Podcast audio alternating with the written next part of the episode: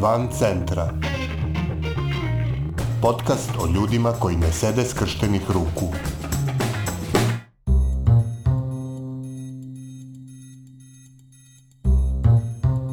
Vi slušate 22. epizodu podcasta Van centra, koji prati napore ljudi iz cele Srbije da poboljšaju kvalitet života u svojim sredinama. Situacija s koronavirusom nametnula je pritisak bez presedana na ceo zdravstveni sistem u Srbiji, koji je i pre toga bio opterećen brojnim slabostima, od materijalno-tehničkih do kadrovskih.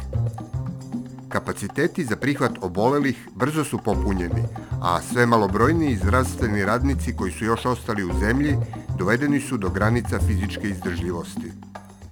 U kombinaciji s nepostojanjem adekvatne zaštite, To je dovelo i do velikog broja žrtava upravo među medicinskim osobljem, pogotovo među onima koji su se, obavljajući svoj posao, zatekli u crvenoj zoni direktnog kontakta s obolelima. U želji da ukažu na sve ove probleme, kao i da iskoriste nastalu krizu kao povod da se zdravstveni sistem poboljša i unapredi, mnogi zdravstveni radnici učestvovali su u pokretanju inicijative Ujedinjeni protiv covid koja je u avgustu prošle godine registrovana kao udruženje građana. Navikli smo da na lekare i lekarsko osoblje gledamo prvenstveno kao na stručne autoritete. Neki od njih su se aktivno uključili u stranački politički život, pa smo ih viđali i u ulozi državnih funkcionera na raznim nivoima.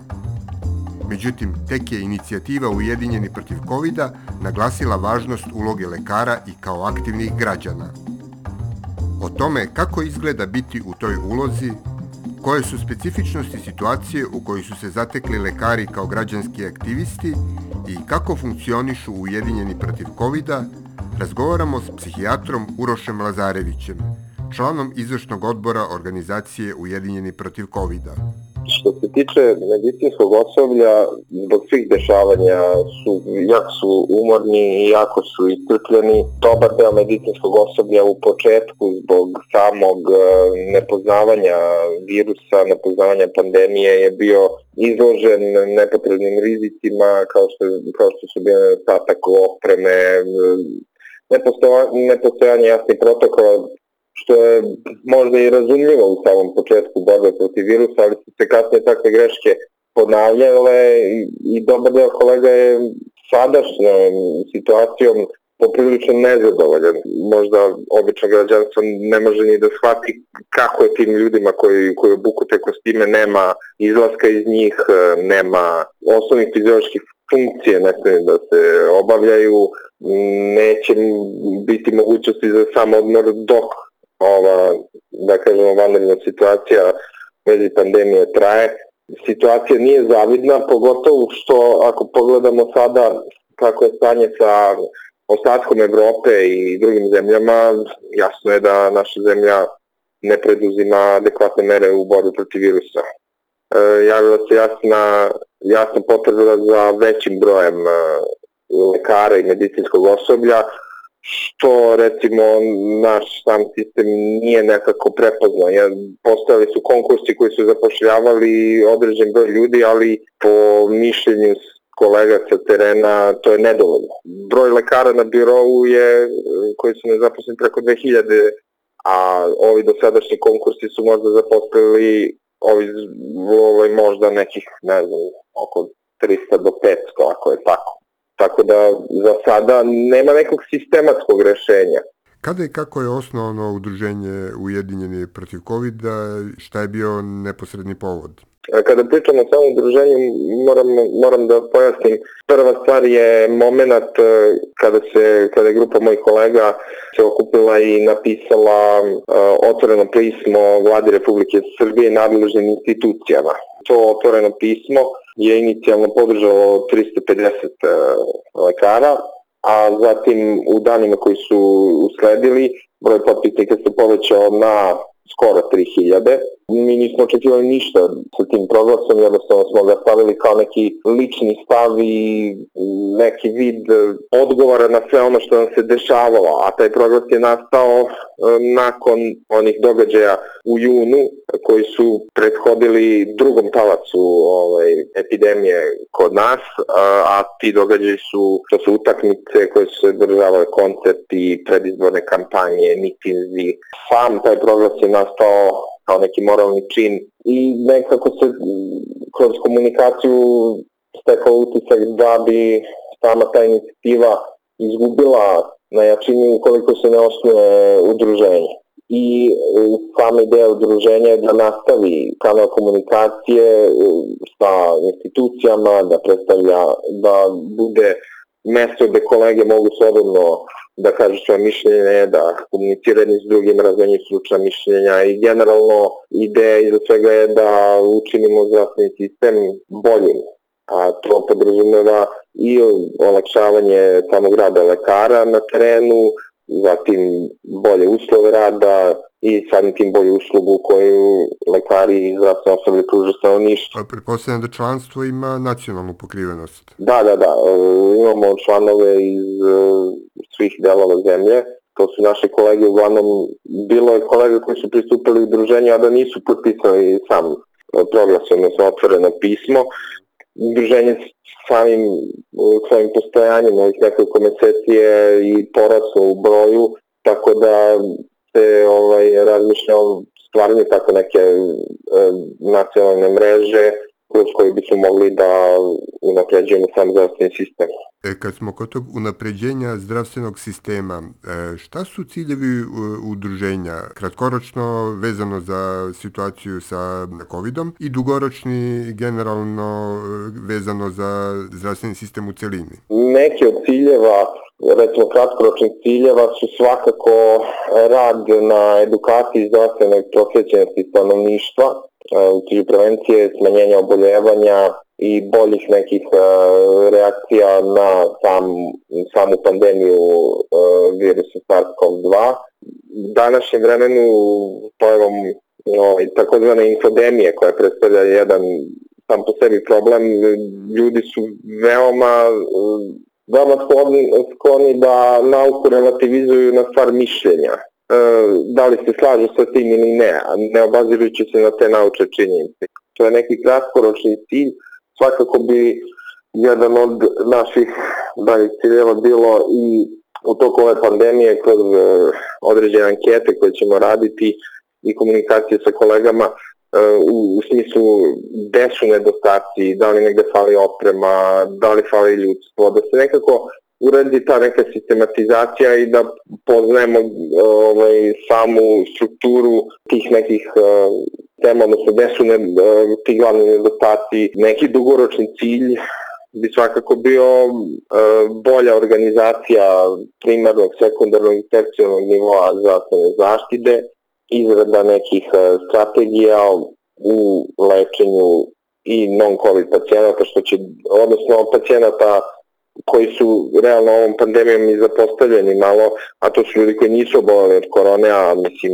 ljudi dalje obolevaju od svih vrsta bolesti. Sve te neke ideje i predloge mi moramo da, kom, da iskomuniciramo sa nadležnim institucijama kao što su Ministarstvo zdravlja, Lekarska komora, zajednice medicinskih fakulteta. Najavljen je protest e, lekara za 15. februar ispred vlade Srbije. Kako je u tome uloga Ujedinjenih protiv covid -a? Koji je razlog i cilj protesta? Sama reč protest ne opisuje uh, dovoljno pravilno, odnosno dovoljno precizno uh, ideju koja je iza toga, a pre toga bih uh, naglasio da samo udruženje Ujedinjenih protiv covid ne organizuje ovaj, takozvani protest, nego to radi sindikat lekara i farmaceuta Srbije. Tako da mi, odnosno naša organizacija, u tom smislu i nema neku uh, vezu sa protestom sem što smo lekari. To predstavlja, taj protest bi trebao da predstavlja, kako sam ja razumeo, komemoraciju preminulim kolegama, jednostavno neki vid e, obeležavanja i skretanja pažnje javnosti na tu činjenicu. E sada, e, mi kao lekari, e, mi kao udruženje nismo e, pozvali ljude da dođu na protest, odnosno na tu komemoraciju, zbog jedne činjenice koja, koja je jasna, a to je da svaki vid masovnih okupljanja je protivan epidemiološkim merama.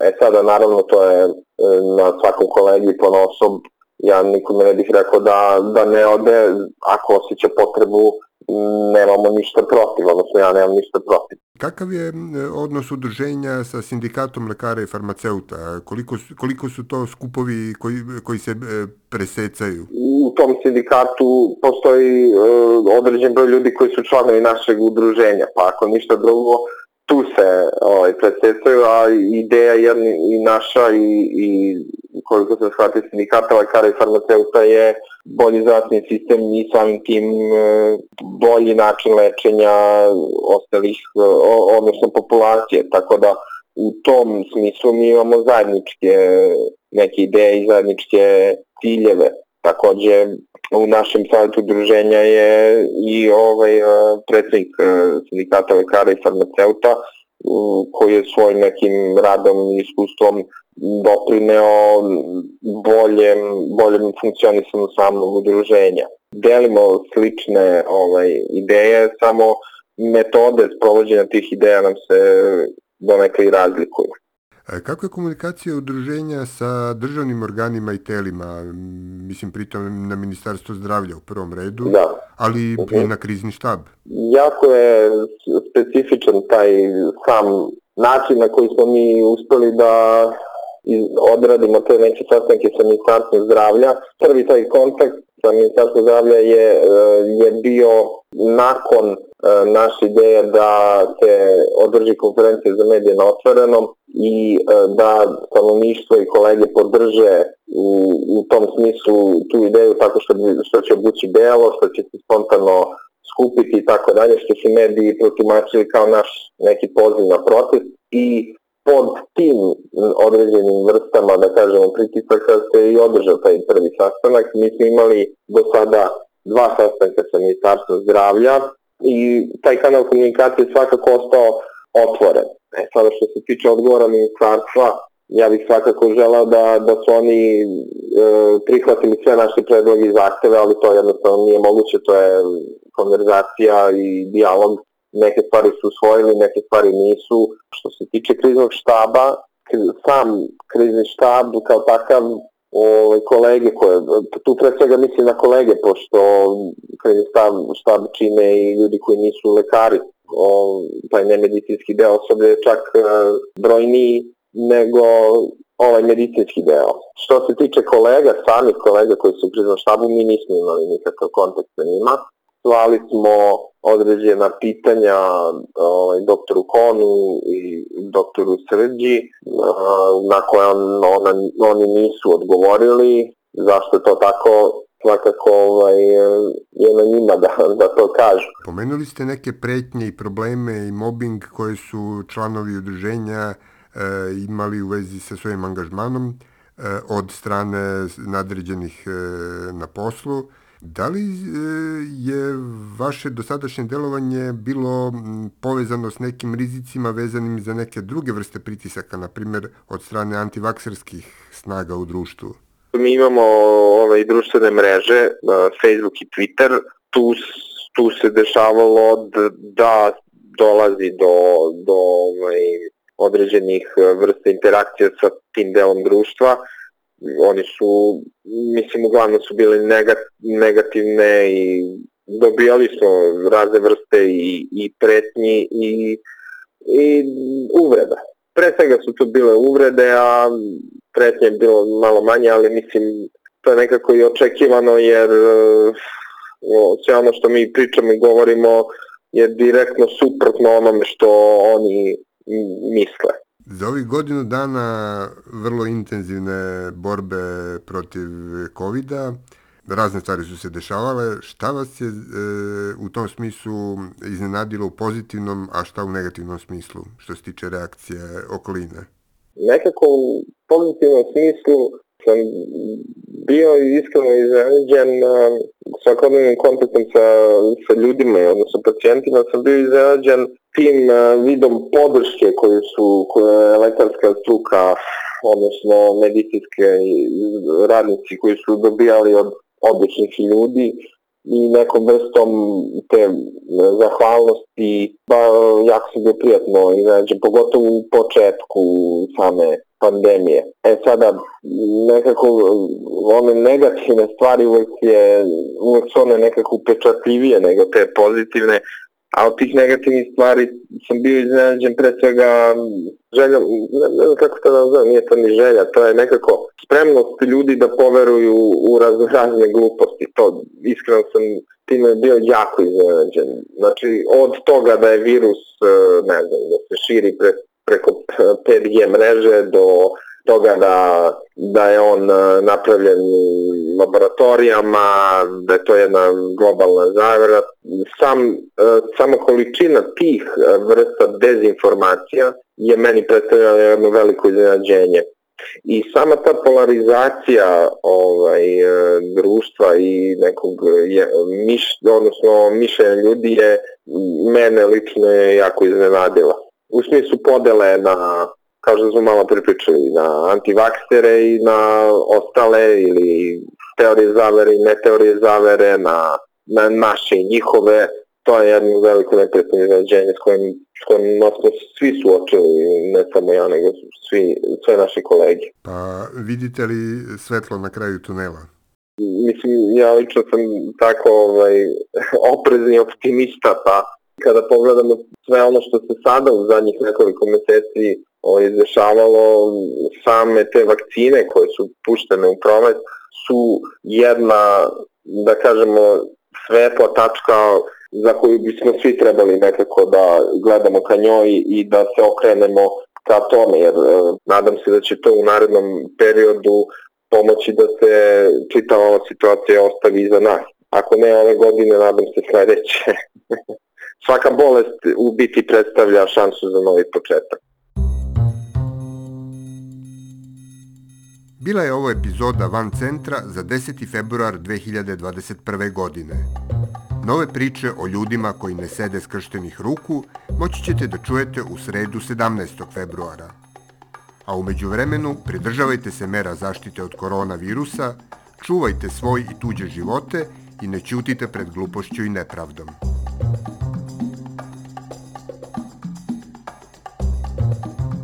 Van Centra je autorski podcast koji se realizuje uz podršku građanskih inicijativa. Stavovi izneti u emisiji nisu nužno stavovi redakcije podcasta Van Centra, niti udruženja građanske inicijative. Redakcija Tara Petrović, Miodrag Mrkšić i Aleksandar Gubaš. Urednik i voditelj Aleksandar Gubaš. Muzika i Logical Beat i Ben Sound.